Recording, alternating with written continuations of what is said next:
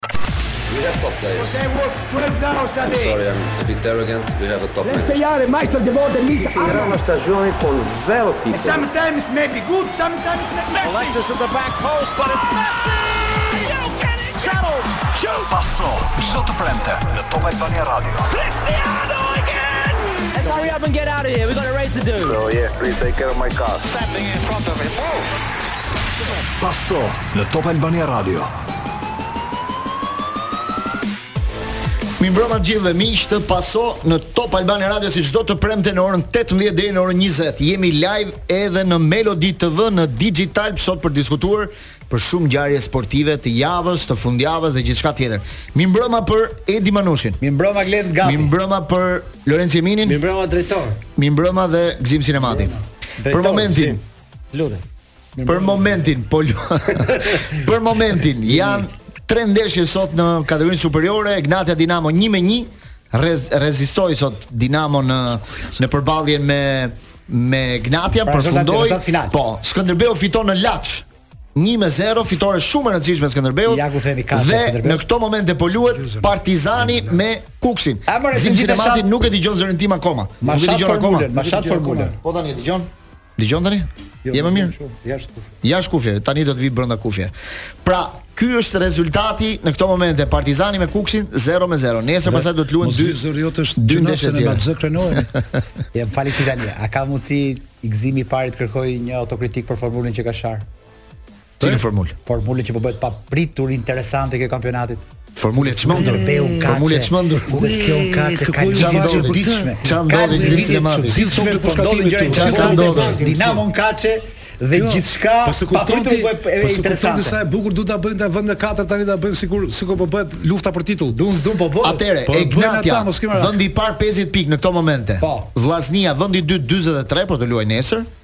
Partizani vendi i tretë, 41 pikë, pastaj Skënderbeu vendi i katërt. Sot për herë të parë Skënderbeu në vend të katërt. 37 pikë, Dinamo 36, Tirana vendi i gjashtë.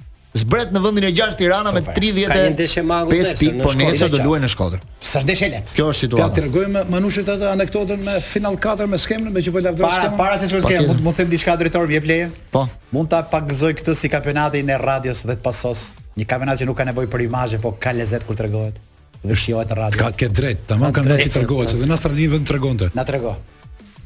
Na thuaj pra. Dgjoj. Kjo lidhet me final 4 Manush. Ëh, mm. Në Rrogozhinë tjetri që është vendi klasik për shitjen e misrave. Patjetër. Shkon një zyrtar i FSHF-s me stemë, me po. kostumin dhe i thotë më jep një misër. Dhe i thotë ai misraxhiu i thotë ti thotë do paguash misrin thotë, po do ta hajë ky tjetri misrin. Po ky budallallëk, hej, s'kam dëgjuar ne kështu. Po pse si është kjo skema final 4?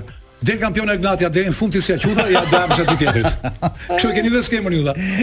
Unë që le të dalin e dia, e dia e anekdot. Ne kemi gjithë vitin sa me pikë përpara, me lojë përpara, me këtë do dalin dikush më drejt. Unë jam mësuar që blej misra dhe mos ta hajon.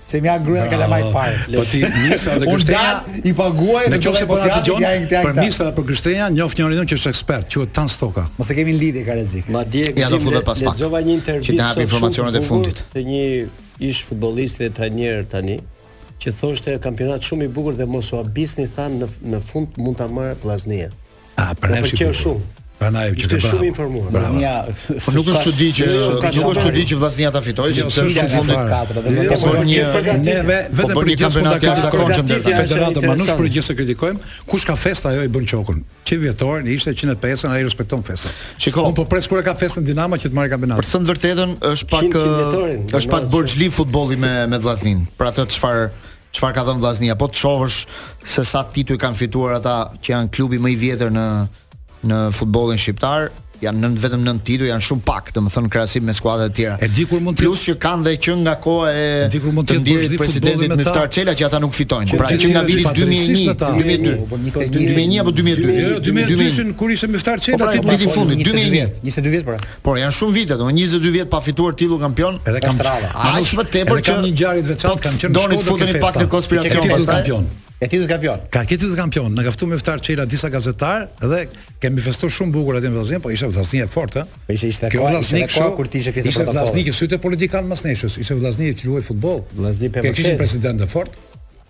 nga ata që të ndihmonte goxha. Ja si të sot tash, po të shohësh. Unë do doja një vetëm një gjë të shkëputemi, ne themi gjithmonë goxha konspiracione për kampionatin, po të shkëputemi për moment, të shohim dhe ta marrim të mirëqenë formulën ashtu si është caktuar pak rëndësi ka se si që është tek dhe t'i marrim maksimumin formulës tani më erdhi një nëse mua opsioni është që Vllaznia ta fitojë kampionatin pse jo po s'kemi ça t'i marrim formulës në një gjë të madhe stadiumet bosh i ke formula duhet ta sillte tifozët në stadium na i sjell nuk na i sjell Tani presim Final Four-in, qoftë se do na i sjellë ata. Po dhe sikur plot të jenë në ato katër ndeshje nuk po. e justifikon gjithë. Po jo, po konspiracioni është ky.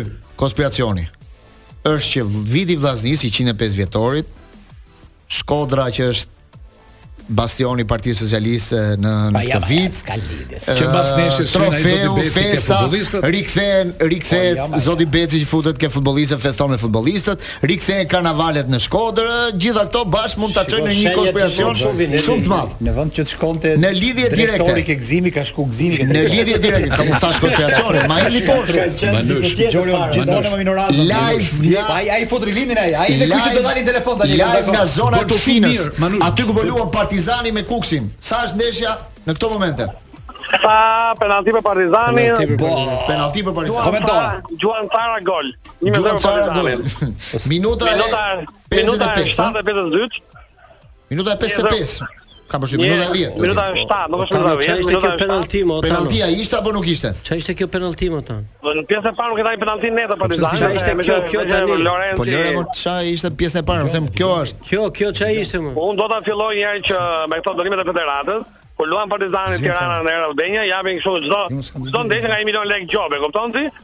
Korça, që e bëri baltë atë ndeshje që e pamë të gjithë, kanë sharë 90 minuta, nuk u dënuan fare. Këtë me këto merruni ju. Mos u merrni me Final Four-in që që ajo është skandal më vete pastaj. E doni t'i futni stadium juve. Sa njerëz ka tifozë aty në stadium tani? Ku janë? 1500. Jo, jo, jo, se unë t'i unë t'i zgjidh gënjej. Aha. Maksimumi, maksimumi 900 veta, maksimumi. Pak a shumë 900 veta. Maksimumi janë ende futa. Si do qoftë, si do qoftë, si po luan Partizani në përgjithësi këtë në këtë ndeshje, ka ka vlerësuar? Po e ka vlerësuar, e ka vlerësuar edhe Kukësi ka qenë i rrezikshëm. Jo, në pjesën e parë luajti Kukësi më mirë.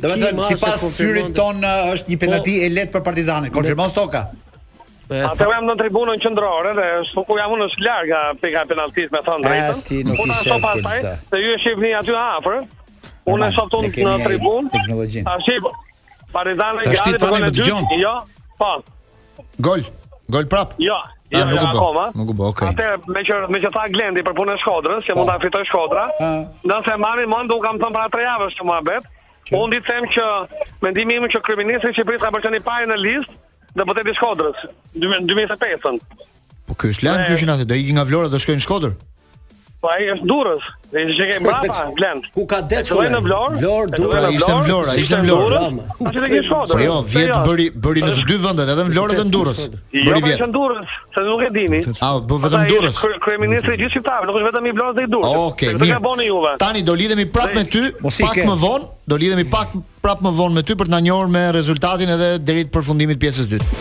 Rikthehemi në Paso Live në Top Albania Radio dhe në Melody TV në DigitAlb. Partizani sapo ka shënuar golin e dytë me Carën, 2 me 0 për Partizanin në përballjen që ka me Kukësin. Por nesër në Kampionatin Shqiptar do të luhet një ndeshje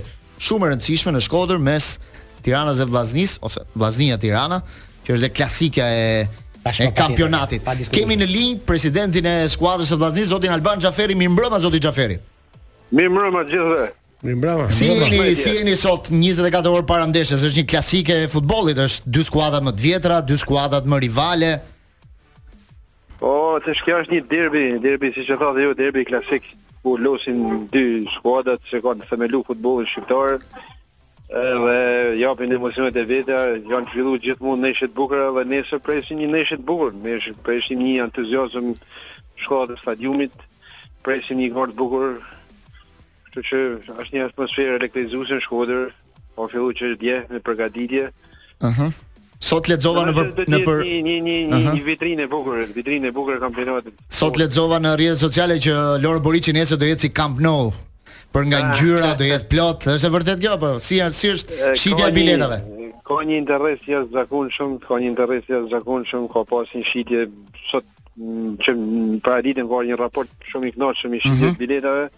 Kështu që pritet një një një një një numër i madh tifozësh, jenë nesër prezent për ta shijuar këtë ndeshje, koha pritet e mirë. Kështu që me Edhe orari është perfekt, ora 5 mbasdite, po. Ndeshje me drita, stadiumi është në gjendje optimale, jemi mundu me bë përgatitjet e bile madje para nesër do bëjmë edhe një dy tri evente të vogla, thjesht për të ngroh më shumë atmosferën. Po.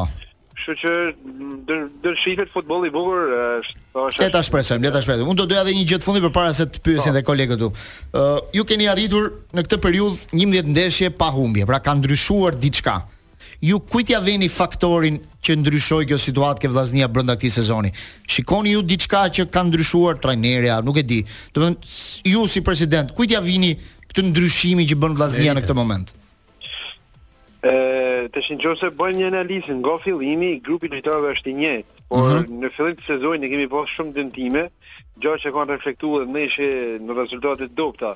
Por mendoj se faktori kyç është ndryshimi i stafit që erdhi në një moment ndoshta decisiv ku ekipi nuk po performonte mirë, nuk po kishte rezultate dhe ndryshimi i stafit solli një atmosferë të re tek ekipi, ardhja e trajnerit Qato Osmani, po. edhe trajnerit edhe e drejtorit teknik Tefik Osmani, ëh, mhm. uh -huh. një një një një harmoni të re në ekip dhe ishin ndoshta edhe momentet e rikthimit të disa lojtarëve që ishin dëmtuar,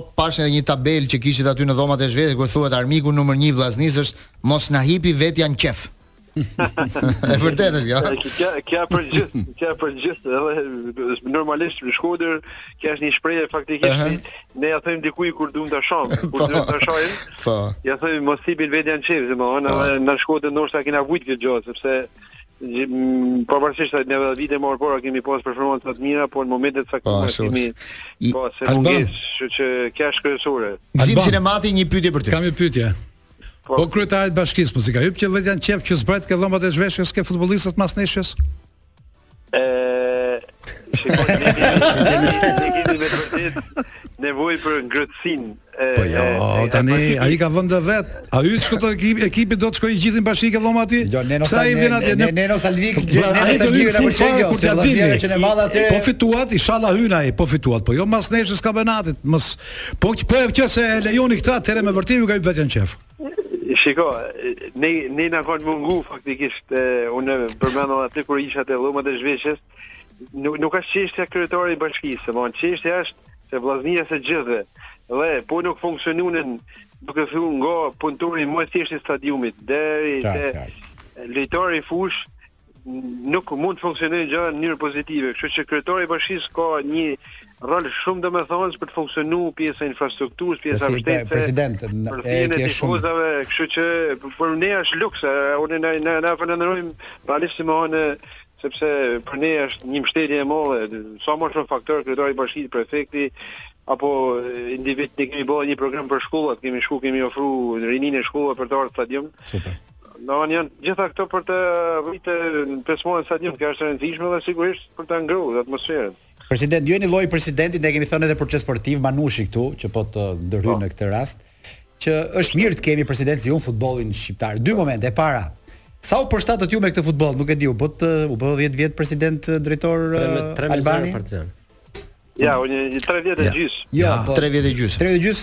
Po. Nuk e nuk e nuk e di pse më duket kaq e gjatë kjo periudha që jeni në futboll. Se ka qenë dhe me basketbollin. Dhe e dyta, si mund bë si po. mund të ndikoni ju president që marrëdhëniet midis presidentëve të arrijnë në nivele institucionale të larta siç i ka bota. Për shembull, pamë javën e kaluar një Skënderbeu Partizani me sharje në tribunën VIP. Pse nuk e kemi ne këtë frymën e mirëqenies, e mirëkuptimit midis presidentëve. Për shembull ju nesër me Refik Halilin, do keni ku diun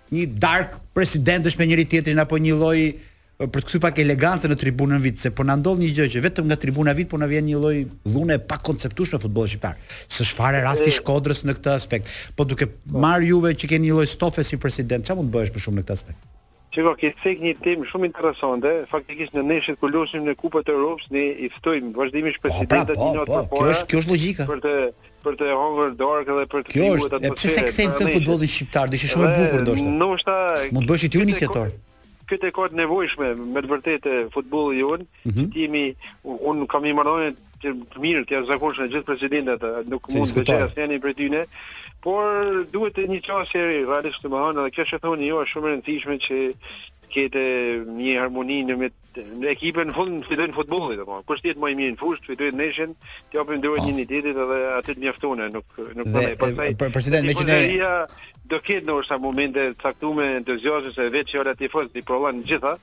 Por kjo pastaj është gjë është duhet të qenë gjë shkëputur nga pjesa drejtuese e klubeve, presidentëve aty. Do unë unë do doja të përfitoja nga fakti që ju kemi juve këtu dhe ju jeni pak a shumë edhe partneri i medias, krahasim me presidentët të tjerë jeni gjithmonë afër medias. uh, unë do të kërkoja që ju të ngrinit zërin që ky kampionat mos jetë oskurantizëm televiziv. Ka një të drejtë madhe informimi, pavarësisht se kush e ka drejtën të blerë të kampionatit shqiptar të futbollit, një media si kjo jona e kam fjalën për procesin sportiv në këtë rast, e ka detyrim ndaj njerëzve që t'i japi këto golat, moviolat dhe aq sa i takon një emisioni sportiv normal këto gjëra. Ka mundësi ta ngresh zërin ti aty ku mblidheni ju që pse s'ndodh një gjë e tillë? Pse nuk detyrohet kush e ka këtë që edhe me sipas kushteve të tregut ta bëjë një gjë si kjo? Oskurantizëm total, ne nuk kemi drejt të transmetojmë golat e e kampionatit shqiptar. Të lutem. Kjo është shumë skandaloze. Jo golat e kampionatit shqiptar Alban, po golin e Vllaznisë para javës. Golin e Vllaznisë me Dinamo. Ishte emblema e javës.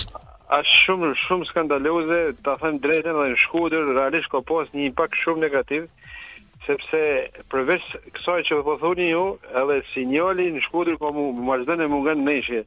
Domthon lën pra, shumë për dëshiru cilësia e transmetimit gjë që reflekton pastaj edhe në në masivitetin në në në rritjen e ne kërkojmë për tifozët, kërkojmë pra, për tifozët jo vetëm stadium, po edhe nëpër ë shtëpitë e tyre, nëpër lokale e tjerë dhe me thon drejtën për mua është e kam cilësuar më përpara për mua është diçka që duhet me të vërtetë duhet duhet të krijojmë disa standarde, okay ta fitojnë për mua zëku ato që paguajnë lekun, por duhet të krijojë standarde, krahas pagesës duhet të jetë standardi.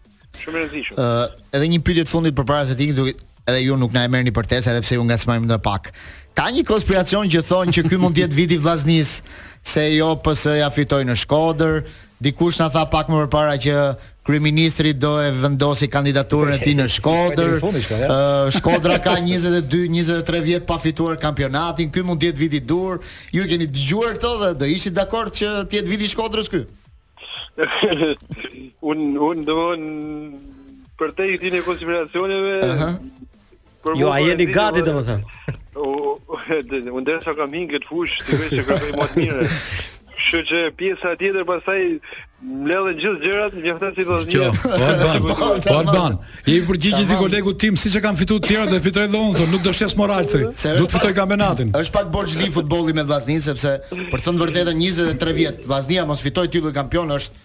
Është një distancë shumë e madhe për të thënë të vërtetën. Shumë e drejtë. Ne ne na bëjmë të shkojmë në Alban. Alban edhe un kam një lloj përvjetori me Vllazninë, se kam qen në festën e Vllaznisë kur ka dalë kampion për herë të fundit.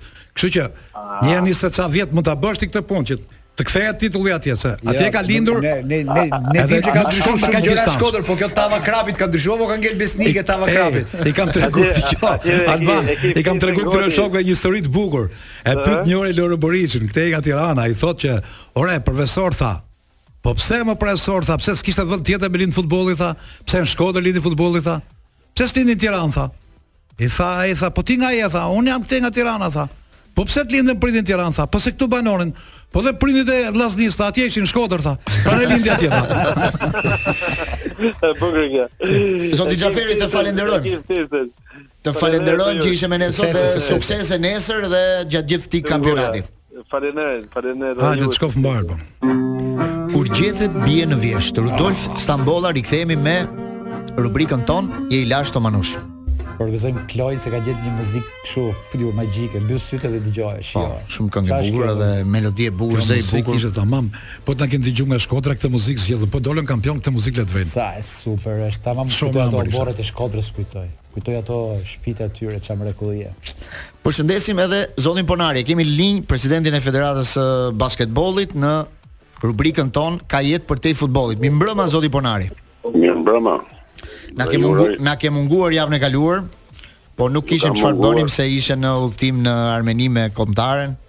Po. Edhe do donim një një përshtypje nga nga ky udhëtim, nga kjo ndeshje e parë eliminatore që zhvilloi kombëtarja për për pak pikë ne u mundëm nga Armenia vetëm për 5 pikë, mos gaboj 84 me 79. Mos gaboj rezultati i po, ndeshjes së parë po, eliminatore, po. po një përshtypje për këtë udhëtim të parë në këto eliminatore nga ana jote. Para ishte një Një gjë që mund ta them me shumë që ishte një nga ndeshjet më të mira. Mhm. Mm edhe për shkak të ndryshimeve të bëra dhe ndryshimit të trajnerit, edhe mm -hmm. ndryshimit të frymës dhe mobilizimit të ekipit, aktivizimit të lojtarëve të rinj, qoftë ata që luajnë në Europë, qoftë të brendshëm, kështu që ndeshjet e zhvilluar, ndeshja e zhvilluar në Armeni ishte ndeshje mjaft e mirë dhe Mund ta fitonim. Mund ta fitonim. Ëh? Nuk mm -hmm. nuk do bënim dy tre gabime. Gabuam personale, gabuam dhe në diçka të vogël të cilën spektatorët e kanë pa atë ndeshje. Por mbetet një ndeshje e mirë në fund e humbur. Në pallatin e sportit në Armeni ishin mbi 5000 veta, 5000 veta po e pashë dhe pallati i sportit ishte gjigant, një pallat shumë i bukur. Atmosferë ishte. Zhvilluar. Ku ta gjejmë ta kemi edhe ne një pallat sporti si. Televizioni. Ne do ta kemi kur ta kemi. Dëgjo, zoti Ponari, futbolli ka 20 vjet që bën humbje të bukura dhe të them me sinqeritet, edhe kjo. Kjo humbje ishte realisht një super humbje sepse na ka lënë një emocion basketbolli jonë me ndryshimin, nuk e di me çfarë, po Kam përshtypjen që jemi shumë afër fitores dhe ky ishte shumë modern kjo skuadër ajo. Na kënaqi, na kënaqi, na kënaqi. Nëse do luajmë pak më mirë do ndreqim ato 2-3 gabime që po, bëmë. Çuçi ka jemi në rrugë të mbarë. Ndeshjen këtu do ta fitojmë, ndeshjen në nëntor me Austrinë do ta fitojmë po. dhe besoj që do kemi rezultat mirë. Kështu që le të shpresojmë. Tashmë janë disa lojtarë të rinj mhm. që janë vërtet e ardhmja e basketbollit shqiptar, por ata kërkojnë mbështetje dhe mendoj që do kemi ndryshime të mëdha. Zoti Ponari, këto ëh, këto ndeshje eliminatore janë pak në distancë të madhe, por ndeshja tjetër do të jetë nëntor. A ka një plan për ndonjë ndeshje miqësore gjatë kësaj periudhe dhe edhe për po. kombëtaren për t'u rimbledhur po. prapë? Besoj do lozim me Kosovën, ndoshta edhe me Maqedoninë, mm -hmm. kemi 2-3 plane për të zhvilluar ndeshje miqësore në mënyrë që ta mbajmë të ndezur dhe të aktivizuar kombëtaren. Ne ne zoti Ponari do donim realisht në atë mar, edhe marrëveshje që kemi me gazetarët e futbollit, të japim jehonën e duhur edhe në proces sportiv këtë tën. Kësaj ngjarjes basketbollit, po unë do të bëja një pyetje direkte. Ke parasysh që jo Fidel Ylli gjithë flasin tani për ndërtimin e stadiumit të radhës. Çfarë duhet bëjmë ne që të ketë një opinion gjerë sportiv në Shqipëri për të për ndërtuar të famshmin pallat sporti që i mungon Shqipërisë? Një tillë që është në Maqedoni që është në, s'po them ato të Greqisë. Mos gaboj, ka një plan më duket. E, po jo, do një plan që ta shtyn deri në fund që të kemi ne, nuk e di sa sa minimum tifozë duhet të ketë. Kam thënë dy tre herë ti Fidelit i kam thënë ti për futbollin s'ke pse lobon sepse është nënkryetari FIBA i FIFA Europës këtu dhe i zgjidhin vetë hallet. Po ai për të ndërtuar pallate, për të ashtu po, stadiume etj etj.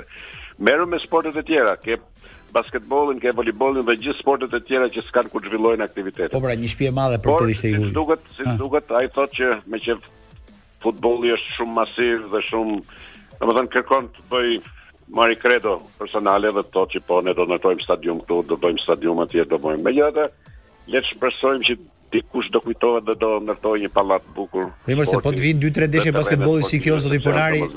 Po të vijnë ndeshje të bukura, basketboll kam idenë që kthehet interesi. Ne që të hënën do merremi personalisht me këtë sepse është gjynah që ta mungoj, nuk mund. Zoti Ponari, është gjynah kemi kaq stadiume, s'kemi pallatin e sporteve. Zoti Ponari, kam po. përshtypjen që nuk e zgjidh një pallat sporti hallin e basketbollit. Duhen fusha basketbolli shumë. Absolutisht që nuk e zgjidh. Janë dy miqtë e mi që kanë bërë shpia private, kam shkuar te këta të dy, kanë vënë nga një kosh basketbolli, edhe një po. fushë pingpongu. Po. Edhe më kujtuan ato filmat amerikanë që ata kanë në oborr koshin e basketbollit, edhe ndonjë sport tjetër ndonjë gjë. Ne atëherë kur kishim basketbollin sport popullor, ai ishte kudo. Edhe i tregoja këtyre shokëve po. me humor. Maqedonia, Maqedonia ua kam thënë një herë tjetër më përpara. Unë e kam parë shpesh Maqedoninë. I ka kosha 120. Ndërtoi 120 pallate sporti. Nuk ndërtoi, ka një stadium, por ndërtoi 120 pallate sporti. për një vit. Dhe sot Maqedoni kudo ke terrene sportive. 120. Sipas po po po. po. Ë, ka një ka një normë të caktuar, në 3000 banorë duhet të ketë një pallat sporti. Shi shi shi. Për lojërat e brendshme, kështu që Që është Maqedonia me 120. Me një apo me dy, po të shkosh tani ke pallati i sportit e Asllan mhm. Rusi, mund të kesh djem dhe vajza të reja që lozin tani dhe mbarojnë 12 natës. Po, po vetë vetë Asllan Rusi mund të modernizohej zoti Ponari, çfarë fonde do kërkonte që të bëhej Asllan Rusi një gjë moderne e sportit tonë me dorë? Lojërave me dorë, të lojërave me dorë? Po nuk nuk ka ndonjë mendoj që nuk kërkon vetëm iniciativë të dikujt. Gjenden do do gjendeshin fondet besoj. Fondet nuk fondet nuk mungojnë. Ka fonde sa të duash, ka njerëz që duan të investojnë, ka njerëz që duan ta zhvillojnë. Okay. Po, Hajde, kthehemi dhe ke këshilla jonë. Sido qoftë na kënaqi basketbollin në Armeni dhe neve do të merremi po ditën e hënë këtë. Sot nënshkruam marrëveshjen midis Bashkisë së Vlorës dhe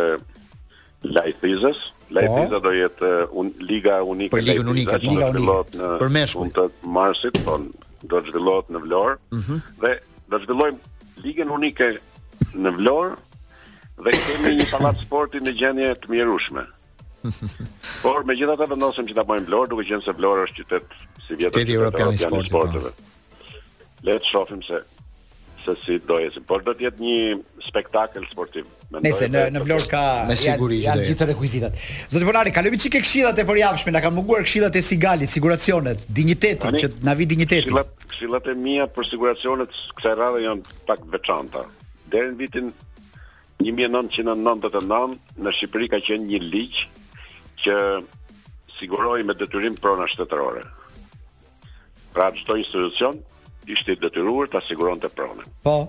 Gjatë këtyre ditëve ne kemi parë me dhjetëra objekte rrugë të dëmtuara, mm -hmm. siç është ajo rruga e Ersekës, rruga e ah, po, Arbërit, rruga tjetër apo objekte të tjera apo djegje të objekteve apo dëmtime të objekteve shtetërore, të cilat natyrisht ato marrin fondet fondet e shtetit përsëri për ta bërë. Po. Nëse ato do ishin të siguruara, atëherë do të kishim siguracione që do hynin dhe do paguanin dhe do të dëmtonin dhe buxheti i shtetit nuk prekej. Po. Pra buxheti vazhdonte dhe investohej në ato fusha që ishte përcaktuar. Kështu që ë Ajo që unë do të thoja është që duhet që të ketë një ligj të tillë që prona shtetërore duhet të jetë e mbrojtur dhe e mbrojtur nga e mbrojtur në sigurime. Sigurimet janë ato që ta rikthejnë më përpara në gjendjen e mëparshme ashtu siç ka qenë. Kështu që Është domosdoshmëri, jo se është është diçka, nuk mund të mendosh që ka një pasuri shtetërore në asnjë vend të Evropës, as edhe në Kosovë, as Maqedoni, të pasiguruar. Objektet shtetërore janë detyrim ligjor, do të jenë me detyrim ligjor që të sigurohen, sepse aty aty dëmtohen fondet shtetërore, dëmtohen pasuria shtetërore, natyrisht që këtu ka shumë gjëra që sigurohen, dhe sigurohen me, me dhe pagesat e dëmeve tyre janë bërë jo të vogla. Unë po kujtoj vetëm kinemanë e Korçës, po kujtoj atë pallatin e kulturës, pallatin e në Elbasan, Elbasan. po kujtoj e, objekte të tjera që të cilat kanë qenë siguruar me 1000 me 1000 euro dhe janë paguar 600 700 mijë euro për të mm. riparuar mm. për të kthyer gjendjen e mëparshme. Kështu që është domosdoshmëri dhe duhet vendosur qartë dhe prerë që çdo siguruar. Nëse ah, është e siguruar pasuria shtetërore, atëherë nga dal nga dal çdo pasuri do shkojë drejt sigurimeve dhe siguracionit. Super. Okej, okay. falënderoj zoti Ponari për këtë këshillë, të uroj javë të mbarë dhe ku e ke fundjavën e ke Tropojë besoj fundjavën apo? Jo, kam Tiranë. për qafime. Falënderoj zotin Ponari për këtë lidhjen tonë të përjavshme në rubrikën Ka jetë përtej futbollit. Jemi në paso live në këto momente për të parë rezultatin e ndeshjes Partizani Kukësi 3 me 0 Lorenc Emini thellohet avantazhi i Partizanit pjesën e dytë. Dy gola të Carës, një gol i Mehmetit në minutën 73 goli i dytë, goli i tretë. Dhe tani jemi në minutën e mos gaboj 80 87 87. Pra ka edhe 3 minuta lojë nga koha e rregullt. Nuk e di, a kemi ta Stokën në linjë. për të na dhënë informacionet e fundit çfarë po ndodh me me ndeshjen në kompleksin e Partizanit. 89. Sa është 89, nuk është 89, kështu që një fitore që pritej, pritej një fitore këtë Lorenc. Lorenc, edhe një gjë tjetër, sot pashë që trajneri parti, trajneri Dinamos u ankua pak për arbitrën. Ka qenë uh, Emanuela Rusta. Emanuela Rusta. me me shumë xhentilesë, nuk është se e lëshoi gojën siç lëshohen gjithmonë për arbitrat, jo, po ne pamë ndeshjen të gjithë Glen. Ëh. Mm -hmm. Nuk është se kishte ndoshta, ndoshta e ka pasur tek mënyra e sepse ajo Si e menaxhoi ndeshjen do të thuash. Ajo jepte faulla. Për për kë ndeshje kishte fjalën? Për ndeshjen me Vllazninë. Egnatia Dinamo. Egnatia Dinamo, Egnatia Dinamo. Po po Egnatia Dinamo. Ishte një arbitrim do thuash ti që nuk nuk shpëtonte asgjë, nuk jo nuk shpëtonte. Nuk ecte me ndeshjen, si më thon. Shiko, është çështje e nivelit të arbitrimit. Ajo vajza Jep dhe faulla të lehtë. Po pra jep, është shumë rigoroze ke faulla. Shumë strikte dhe e e stopon lojën. E kuptova çfarë do të thotë. Do ajo lloj ai lloj. E bëri pak bilbil më shumë se ç'duhet. Arbitri nuk bëhet dhe lojtar dhe vetë për ndeshjen, për të mirën e ndeshjes. Arbitri, një shiko, një arbitër që lexon. Po kjo është diçka që mund ta fitosh me eksperiencën. Patjetër, patjetër. Po një arbitër që lexon mirë lojën dhe lejon të luhet e ndihmon mhm. shumë futbollin. Ajo është shumë strikte, domethënë çdo lloj kontakti. Ose ka frikë mos gabojë, mos ndodh ndonjë gjë, e kupton? Ajo çdo lloj kontakti e jep faull, se nuk do që t'i t'i agravojë situata dhe me atë sy e pashë dhe unë, se nuk kishte ndonjë rast shumë flagrant. Domethënë ti sot, po, domethënë një ditë pas ndeshjes, po ta thërrisje arbitrin do t'i thoje këto gjëra. Këto gjëra, domethënë menaxhimi i lojës të jetë pak, po edhe pse në VAR kishte arbitër ndërkombëtar që diskutohet ata edhe mm -hmm. edhe asistentët i kishte jo, të mirë, por do të bëj një vërejtje profesionale Lenci. Atje. E ke thënë dhe njëherë, mos thuaj më ajo vajza, Emanuela, thuaj Rusta. Është seksist ajo vajza ai ai. Ne që kemi edhe pjesë Lorenzo. Ne që kemi edhe Dinamo nuk duhet ankohet. Ajo nuk duhet ankohet sepse kuptohet që ajo nuk ka nivelin e më të mirëve. Avash avash mendimin e futbollistëve do rrisin nivelin. Po u ankove për atë futën në presion. Mjafton që neve nuk kemi ardhur këtu, ai do të bëri një një kritik gentile po. Mos marrin ka, po e mangësi ka.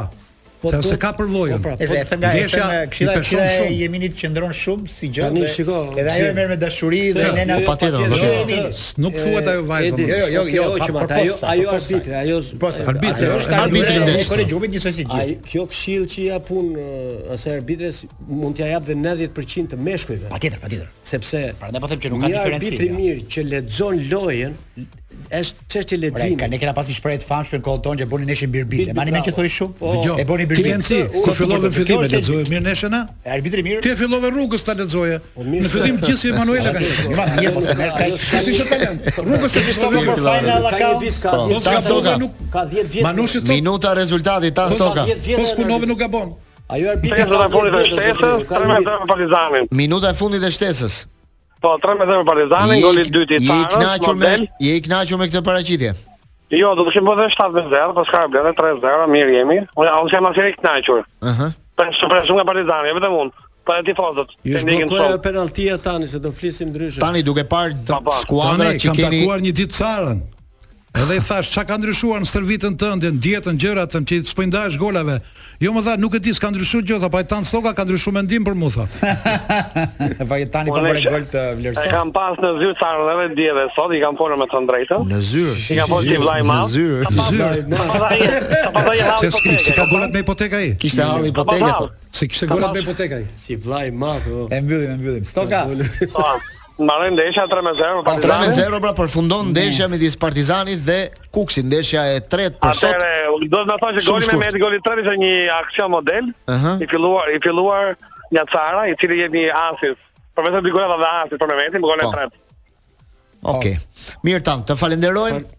Tre me zero fiton pra Partizani me Kukësin. Do të shkojmë në publicitet, po Partizani ngjitet në vendin e dytë. Rikthehemi në këtë pjesë të dytë në Paso dhe menjëherë ka Manushi një njoftim shumë të rëndësishëm për të ndarë. Njoftim i rëndësishëm që lidhet me Iuten. A e dini se My Iute të lehtëson jetën? Duke shkarkuar direkt aplikacionin ti mund të marrësh kredi në çast, të bësh pagesa të shpejta me kodin QR ose të blesh me këste te partnerët tanë Iute në të gjithë Shqipërinë. Iute, partner zyrtar i Paso dhe Procesi Sportiv. Jemi gati për të bërë 3 minuta histori? Jemi gati për 3 minuta. Flasim për një ngjarje të ndodhur në fillimin e viteve 90, për atë që u quajt skuadra e komunitetit të vendeve të pavarura. Fundi i luftës së ftohtë kishte shkatërruar atë që quhej Bashkimi Sovjetik, i cili në vitin 91 u nda në 15 shtete të ndryshme. Por futbolli nuk u ndal në këtë histori dhe sovjetikët u detyruan të gjenin një zgjidhje për kampionatin europian të vitit 92 i cili u zhvillua në qershorin e atij viti. Kështu lindi skuadra e cila u njoh me emrin CIS, Komuniteti i Vendeve të Pavarura, një skuadër historike që mbijetoi vetëm një vit dhe që luajti kampionatin europian me bluzë pa stemë dhe me një flamur pa ngjyra. Rrëzimi i Bashkimit Sovjetik po vihej re që në mes, që në mesin e viteve 80. Manifestimet anti-sovjetike kishin filluar në vendet baltike në fillim, dhe pastaj u përhapën në të gjithë vendin. Futbolli nuk bënte gjë tjetër vetëm të reflektonte tensionet politike dhe sociale. Në një miqësore të vitit tetëdhjetë e gjashtë mes Bashkimit Sovjetik dhe Anglisë, e cila u luajt në Tbilisi, në Gjeorgji, tifozët gjeorgjianë u bënë me Anglinë, duke dalë hapur kundër regjimit të Moskës. Futbolli i kishte dhënë shenjat e para dhe humbja e Partisë Komuniste në zgjedhjet e vitit nëntëdhjetë nuk ishte tërësisht një surprizë. Ato zgjedhje patën një impakt të parë, sidomos në futboll, kur skuadrat gjeorgjiane ishin të parat që u larguan nga Kampionati Sovjetik. Dinamo e Tbilisit, dy herë kampione e Bashkimit Sovjetik dhe fituese e Kupës së Kupave në vitin tetëdhjetë e një, është një prej skuadrave më të forta sovjetike, refuzoi të merrte pjesë në kampionatin e vitit nëntëdhjetë, nëntëdhjetë e një. Pas tyre ishin lituanezët e Zalgiris. Zhalgiris. Që ishte ekipi i dytë më i njohur, ekipi i dytë më i njohur në vendet balltike në kohën e Bashkimit Sovjetik. Ata u tërhoqën nga kampionati pas ndeshjes së parë. Sabonis. Më 25 dhjetor të vitit 91, Mihail Gorbaçov dha dorëheqjen dhe flamuri i Bashkimit Sovjetik u hoq nga Kremlini dhe u zëvendësua me flamurin trengjyrësh të Rusisë. Pas gjashtëdhjetë e nëntë vjetësh, Bashkimi Sovjetik nuk ekzistonte më. Aty u krijua Komuniteti i Vendeve të Pavarura. Çdo vend kishte pavarësinë e vet dhe nuk ishte një Bashkim Sovjetik i dytë. Kur skuadra e Bashkimit Sovjetik u kualifikua në grupin e saj eliminator, e dominoi të gjithë atë fushatë eliminatore dhe askush nuk mendoi që ai ekip do të luante ndeshjen e fundit me atë fanellë. Në njëmbëdhjetë janar të vitit një mijë e nëntëqind e nëntëdhjetë e dy, është një datë historike, nëntë nga pesëmbëdhjetë vendet e ish-Bashkimit Sovjetik u bashkuan në Moskë dhe dhanë krijuan Federatën e re, Federata e vendeve e Federata e vendeve të pavarura të Bashkimit Sovjetik, ish-Bashkimit Sovjetik. Dy ditë më vonë, FIFA i dha të drejtën që ta njohë këtë federatë dhe këtë skuadër si pasardhëse e Bashkimit Sovjetik mm-hmm. dhe të drejtën që ata të luanin në kampionatin europian të verës. Për ironi të fatit, ndeshja e parë e kësaj kombëtare ishte një miqësore kundër Amerikës në Miami në datën 25 janar të vitit 92. Atmosferë shumë e çuditshme, stadiumi plot dhe amerikanët kujtojnë se ajo skuadër kishte akoma disa simbole të Bashkimit Sovjetik. Ata donin të mbanin flamurin e vjetër, po ashtu dhe himnin e vjetër, derisa të bëhej himni i ri. Skuadra e vendeve e e, e vendeve e ish vendeve sovjetike fitoi 1-0 atë ndeshje. Ishte ndeshja e parë miqësore. Drejtuesit e asaj skuadre ishin të shqetësuar se problemet që mund të lindnin mes vendeve mund të reflektoheshin edhe në këtë kombëtare të re të krijuar. Në atë kohë kishte shumë varfëri, kishte probleme sociale dhe shpërbërja e kësaj kombëtare ishte shumë afër. Gjithsesi, ai ekip do të luajë në ndeshje historike të atij viti. përpara se të shkrihej dhe të bëhej më pas Rusi. Ata luajtën dhe një ndeshje kundër Meksikës. Dhe në këtë ndeshje u shënua një rekord, ishin vetëm lojtarë rusë. Dhe kjo mund të quhet fare mirë dhe si ndeshja e parë e Rusisë, edhe pse rusët nuk e njohin si ndeshjen e tyre të parë. Edhe vendet e tjera kishin filluar të organizonin kombëtaret e tyre. Ukraina kishte zhvilluar disa ndeshje miqësore. Gjeorgjia po ashtu, Lituania kishte zhvilluar disa ndeshje miqësore. Kishin nisur hapat e para të shpërbërjes së kësaj kombëtare. Dukej qartë që ai ekip nuk e kishte jetën e gjatë. Dhe në Europian, Bashkimi Sovjetik, ajo skuadër e fortë që kishte atë fanellën me CCP, nuk u pa më asnjëherë. Në grup ata ranë me Gjermaninë, Skocinë dhe Holandën dhe morën vetëm një pikë në ndeshjen e parë kur barazuan me Gjermaninë. Një gazetar anglez shkruante, Bashkimi i këtyre vendeve mund të ekzistojë në politikë, thotë, por në futboll ka pak gjasa që të vazhdojë. Në stadium, në vend të himnit, kur luante kjo kombëtare, vihej simfonia e nëntë e Beethovenit. Sa e bukur. Kjo kombëtare nuk mund të ekzistonte më dhe pa himn dhe pa tifozë pati një goditje shumë të fortë. Dhe të dhe ndeshja e fundit e luajtur ishte ajo me Skocinë, e treta në grupin eliminator, në të cilën u mund dhe e bën këtë skuadër vetëm një ekip kalimtar. Për të kriju, për të kujtuar disa nga emrat e këtij ekipi. Trajneri ishte Anatoli Bishovec, ishte rus.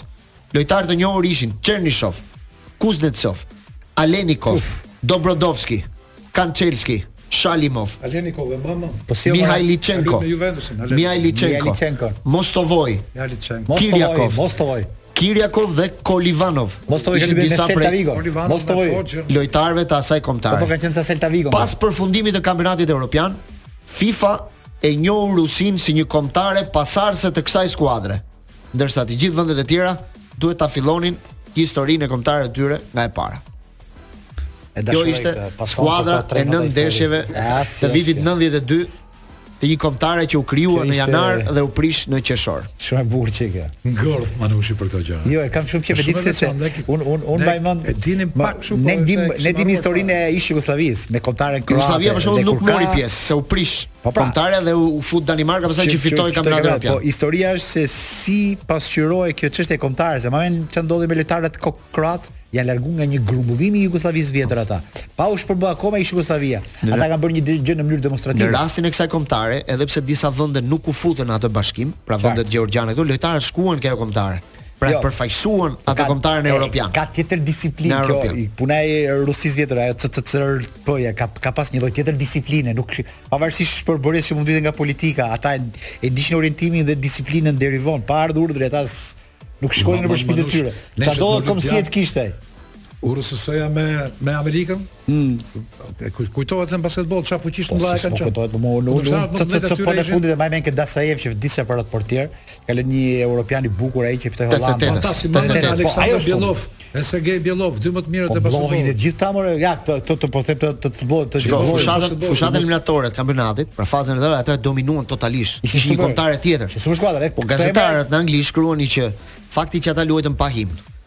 pa pa bluzët e tyre, pa stemën, pa tifozët që ishin përçarë e humbi atë energjinë dhe kombëtarja nuk u paraqit dot siç bëri fushatën e grupeve. Kjo ndikoi që ata mos bënin dot një paraqitje të mirë. Shyqyr zotit që kjo futbolli e ka shumë të lidhur historinë e asaj që luhet me me ngjyrat dhe me flamurin edhe me me himnet, se po po, po mos ishte pastaj çfarë do çfarë kuptimi kishte.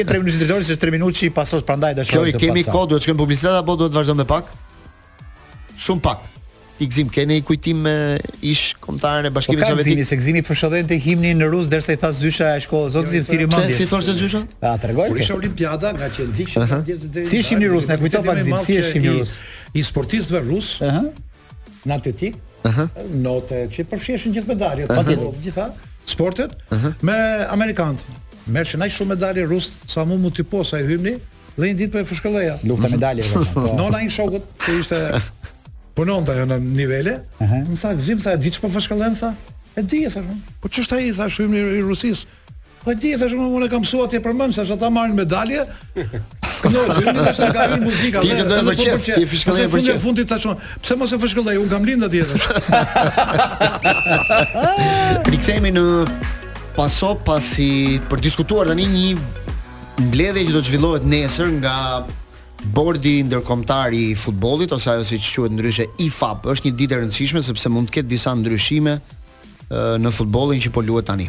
Dhe këto ndryshime janë në disa pika. Pika e parë, do diskutojmë pak edhe me Lorencin se varen kanë lidhje shumë edhe me pjesën e arbitrimit.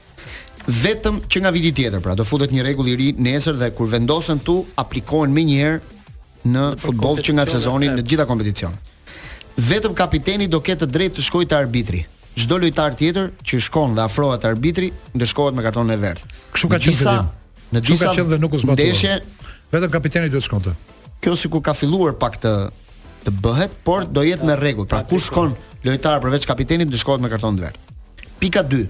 Kartoni blu për një dalje të përkohshme nga fusha. Ja, Pritet të po. vendoset nesër, ëh. Po. Do jenë me votime, janë 8 jo. vetë që votojnë. Da, do të thotë qoftë se merret 5 me 3, qoftë se merret 5 me 3, ka qenë shumë në rregullore. Shumë kundër kësaj. Kartoni blu do ishte të merr dhon se ndeshë. Kartoni blu edhe unë për mendimin tim. Kartoni blu është një dalje e përkohshme nga fusha. Pra, nëse ke një por uh, arsyet e daljes do ishin uh, Domethënë një faull jo aq violent sa për të kuq, po tani Ça është mes mes verdhës dhe të kuqes. Ose një mundësi jo aq e pastër shënimi goli. Këto ishin mm -hmm. dy rastet ose protesta të tepruara ndaj arbitrit që oh.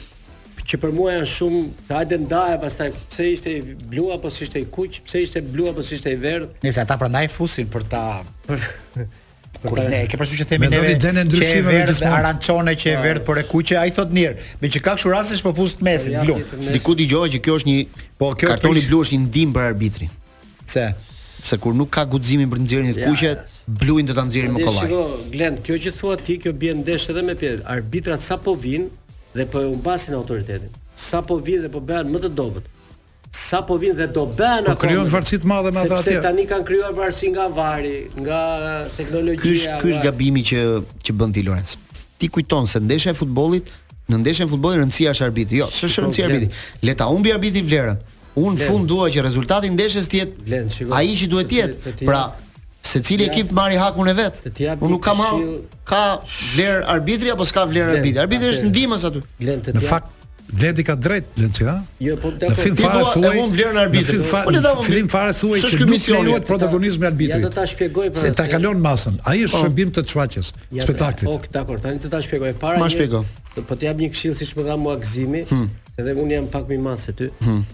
Në dy mijë e njëzet e katër nuk i thuhet dikujt e ke gabim, sepse ajo që thua ti nuk është absolute. A pse thashë ke gabim? A ok, po. Ok, tërhiqem. E dyta. Bravo Loci, bravo Loci. Një leksion për drejtorin. Jo, tërhiqem një kryevepër. Ke mendimin tim. Patjetër tërhiqem. Kur të erdhi le. Nëse thashë ke gabim tërhiqem. E dyta, pse thashë që po në sepse unë flas me ndjesi për pjesën e arbitrimit, nuk flas me opinion. Unë jap jap ndjesinë e fushës, në qoftë se mua mhm. si arbitër ma kthen VAR-i, një vendim, unë në sy të lojtarëve që më ka kthyer penalltinë, unë ndihem keq deri në fund të lojës. Bie çik personaliteti? E kupton, autoriteti, autoriteti në fushë. Po bie, po bie. Sepse lojtarët mua më shikojnë me një sy që Po mirë më Lorenz, po në fund ka një llogaritje që bën. Edhe një herë edhe unë flas. Mua më duhet. E zotëri, ti flet nga arbitri apo më duhet rezultati? Ti flet nga mikrofoni nga mbrapa te unë flas me ndjesi. Jo, Unë jam po, tifoz që më shoh, po, ndeshjen në shtëpi. Po ka raste që një arbitër ka gabuar 3 herë në një ndeshje kundra një ekipi. A e kupton se si e shikojnë lojtarët atë? si të paaftë, do të thotë ti je i paaftë. Ja, i shpëton pra letorin. Shiko, ish, ja, ndesha është... kontrolli pastaj. Po unë unë një gjë jam dakord me Glendin.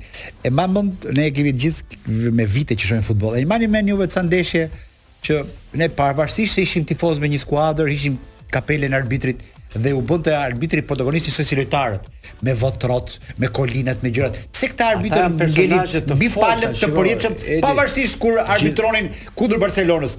Nuk thoja dot një gjë. Pse ka humbur për mua personaliteti i këtij institucioni? Pse s'kemi ne këtë takëm arbitrash? S'flas Shqipëri, edhe Shqipëri ndoshta e kanë një çik. Domethënë VAR-i e ka dëmtuar këtë arbitër të rëndë në fushë. Pra, ne kemi ne Kuipers me shokë, kemi këta nëpër botërorë nëpër gjëra, kemi ca që shohim atë, na jep një qetësi për futbollin që do shohim. Kur si janë këta, po, e fut në një qërë së kak, viktor një arbitër të Amerikës Latine, unë trembem kur shoh një arbitër të Amerikës, sepse edhe për mentalitet dhe për gjëra, po është i dobët, dhe i rrëshqet ndeshja nga kontrolli, Po patjetër pra. Ne pastaj po arbitrat të Arabisë Saudite e gjëra që bëjnë marrin ca vendime pa sens për futbollin që jemi mësuar të shohim ne. Pra këtë them, VAR-i po na e dëmton po këtë lloj gjëje ne në po futboll apo jo. VAR-i e dëmton arbitrin. Është si të, shiko, është si të futesh një po VAR-i. Jo, diskutimi është kështu.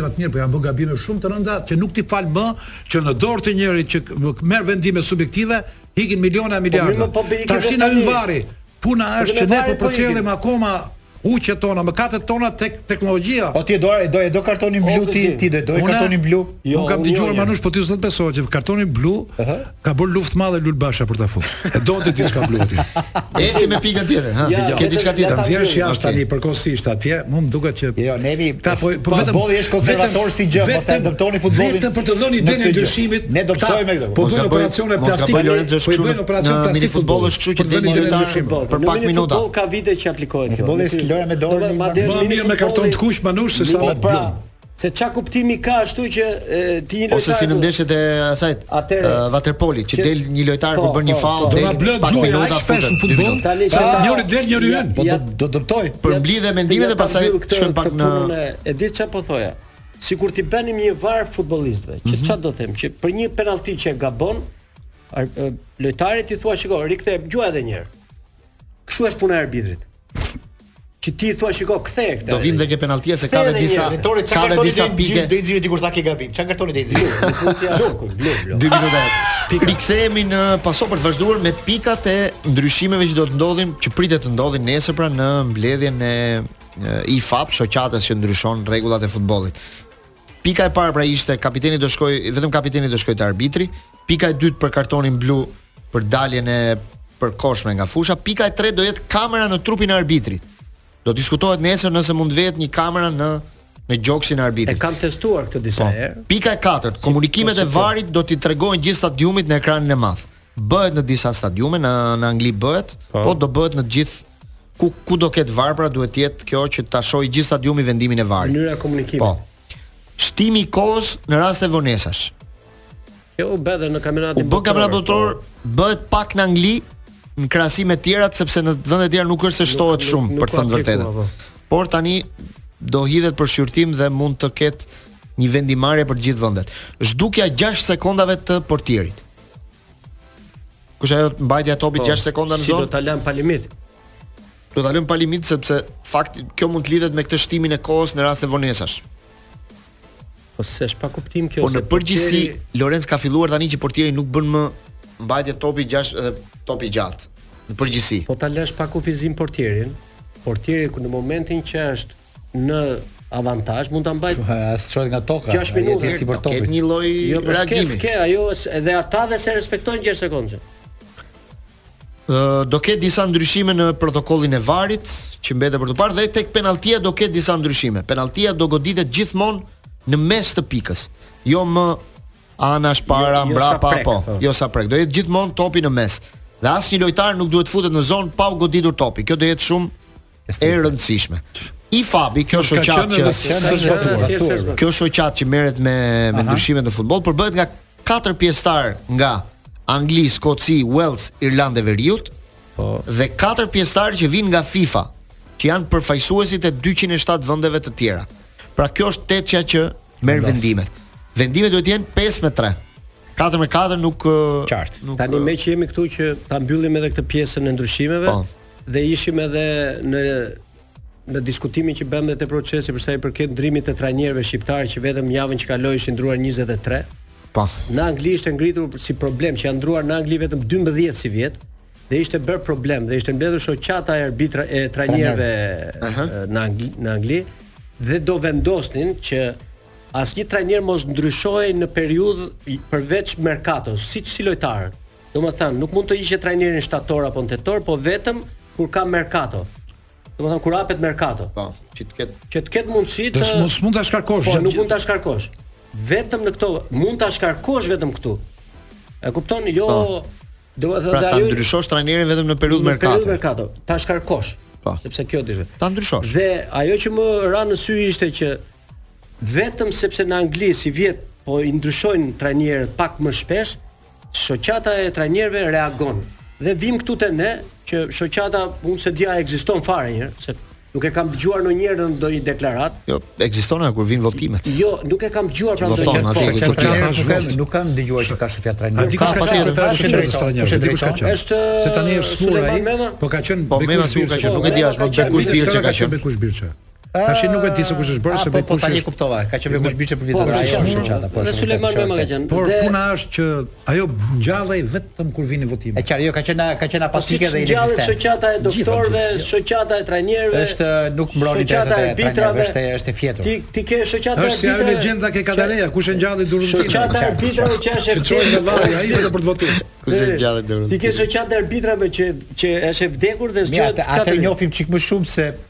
E dim që është e tillë shoqata e arbitrave, se është shumë afër anturazhit. Kjo është me inekzistente, pra ne po. dyta ekziston një shoqatë trajnerësh sepse do të kishim dëgjuar një herë që të mblidheshin të thoshin 1 2 3 4 kërkojmë të, të drejtat e trajnerëve. Siç pati, pavarësisht se çfarë fundi pati, shoqata e futbollistëve me Andi Lilën. Pra ekzistoi të paktën bëri 2 3 përpjekje dhe ajo pastaj është shuar. Sot keni dëgjuar më për shoqatë futbollistësh në Shqipëri?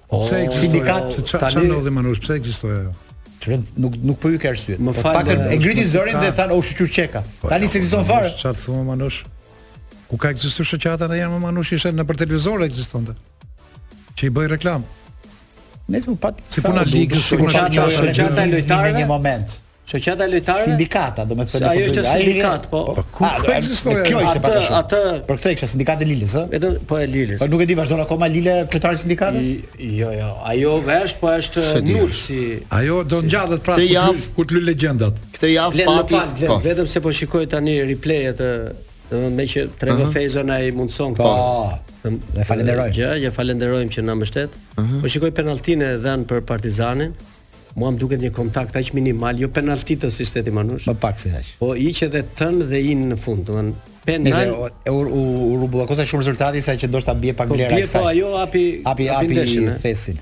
Këtë javë u zhvillua një darkë që tërhoqi vëmendjen e gjithë shtypit botëror kur presidenti ah. i Francës Macron ftoi në një darkë kapitenin e Parisit dhe të kombëtares franceze Mbappén Një darkë ku sipas shtypit francez në pallatin Elysee ai kishte shtruar për të takuar uh, disa Al Thanin, biznesmen të të Katarit dhe princin e Katarit që ata të ndërhynin për të arritur paqen ndërmjet Izraelit dhe Palestinës. Por aspekt jo futbollistik. Dhe të gjithëve iu bë përshtypje prania e Mbappes në këtë në këtë darkë. Çne Mbappéja që është ftuar në këtë darkë. Dhe thuhet që gazetat e Francës thonë që në një moment ai e ka ngacmuar Macroni Mbappén dhe i ka thënë që ti me lëvizjen që do të largohesh drejt Realit mund të na prishësh punë në në këto negociata që ne po bëjmë për Izraelin dhe Palestinën. Shumë e çuditshme kjo. Domethënë, më rrallë është Manush ti po hap luftëra. Jo, ja, ai ka ndarë mendjen dhe Macron e ka pranuar që do iki. Dëgjo. Po Mbappé në një tavolinë se mund të ishte i rëndësishëm sepse 24 orë që kanë folur gjithë shtypi në Francë, ka një lloj reagimi që gazeta France Football thotë që në fakt Mbappé në atë tavolinë thotë ka qenë për pa lidhje për këtë diskutim. Saktë fare. Por në lidhje me lojrat olimpike që do zhvillohen në ai, ai në Paris në kor, në korrik dhe gusht, në fund të korrikut dhe fillim gushtit, sepse ai është kapiteni do jetë kapiteni i kombëtares franceze në edhe pak ambasadori franceze. Në këto në këto lojra. Ai do jetë mbartësi i flamurit. Qartë. Kjo është pak zbardhja e kësaj e këtij takimi. Rikthehemi në Pason në 4 minutëshin tonë të fundit dhe me ne është bashkuar dhe Bana Ruçi për Big Brother Radio, që do të fillojë pas pak menjëherë pas Pasos. Do ta pasojmë topin ty. E keni programin fiks edhe me emrin edhe me gjithë energjinë që sillni. Çuna si jeni një herë? Ne mirë ti si. Ka marrë malli për hall.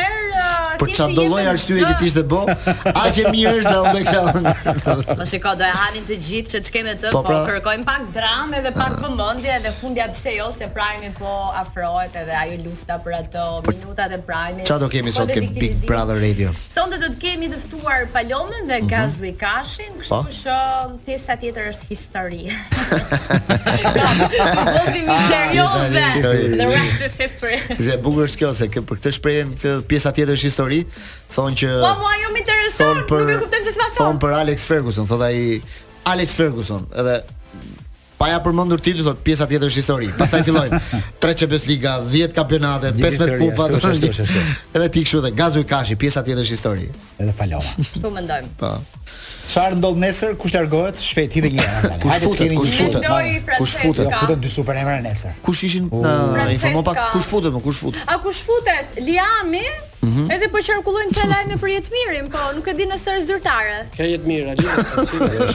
Kam një shumë serioz që hyn nesër, ha? Ëh? Unë kam idenë që futet nesër. Ky emri i dytë sa. Po mund ky me këto flokët. Ke idenë që futet? Kam një parandjenjë të fortë që po. Edhe do të trazojë keq ujërat atje brenda. Po edhe Liami pra. Të dy bashkë, të dy bashkë. Liami mua më kujton vetëm kapucët e tij. Liami asokohe jetonte në Gjermani, ka shumë vite që ka qenë tek njëri nga Big Brother të tjerë dhe ka qenë gjithmonë një një djalë shumë fashion. Sigurisht në Gjermani me me show-t e tij spektakolar me muzikë tekno. Megjithatë nëse futet Jetmiri, shpresa e Albit vazhdon të të jetojë, sepse Julia për shembull ka qenë një hyrje fantastike. I ka dhënë shumë dinamikë dhe shumë gjallëri, aq më tepër është bërë kokë. Do të thonë me këto biseda sot, ëh. Kokë me Eglën. Po kështu shpresojmë i dashur Glent. Direkt pas pak, pra kemi Mos harroni dhe ndeshjen e futbollit, se kemi ndeshje shumë të rëndësishme. Kaliari me kë luan këtë javë zim? Aty kemi merak. Ekip vështirë shumë. Kaljari Empoli. Ndeshje shumë e rëndësishme e kësaj jave. Empoli, Empoli Kaljari në kampionat italian. Po do kemi shumë sfida. Sot fillon me Lazio Milan, të dielën është Napoli me Juventusin, Real Madrid shkon në Valencia aty ku është sulmuar Vinicius vitin e kaluar me sulme raciste, kështu që Ka ngjarje, Bilbao, Barcelona pastaj të dielën në darkë, që është një tjetër ndeshje shumë e bukur. Se ishte një trupë e madhe Netflixi që po bën një dokumentar për Vinicius. Për Vinicius që nuk u lan të futen në stadium nesër nga nga drejtuesit e Valencës. Shumë e çuditshme. Okej. Ju falenderoj çuna, kalofshi një fundjavë të mirë, vazhdoni pas pak me Big Brother Radio dhe me pason shihemi dhe dëgjohemi të premten tjetër.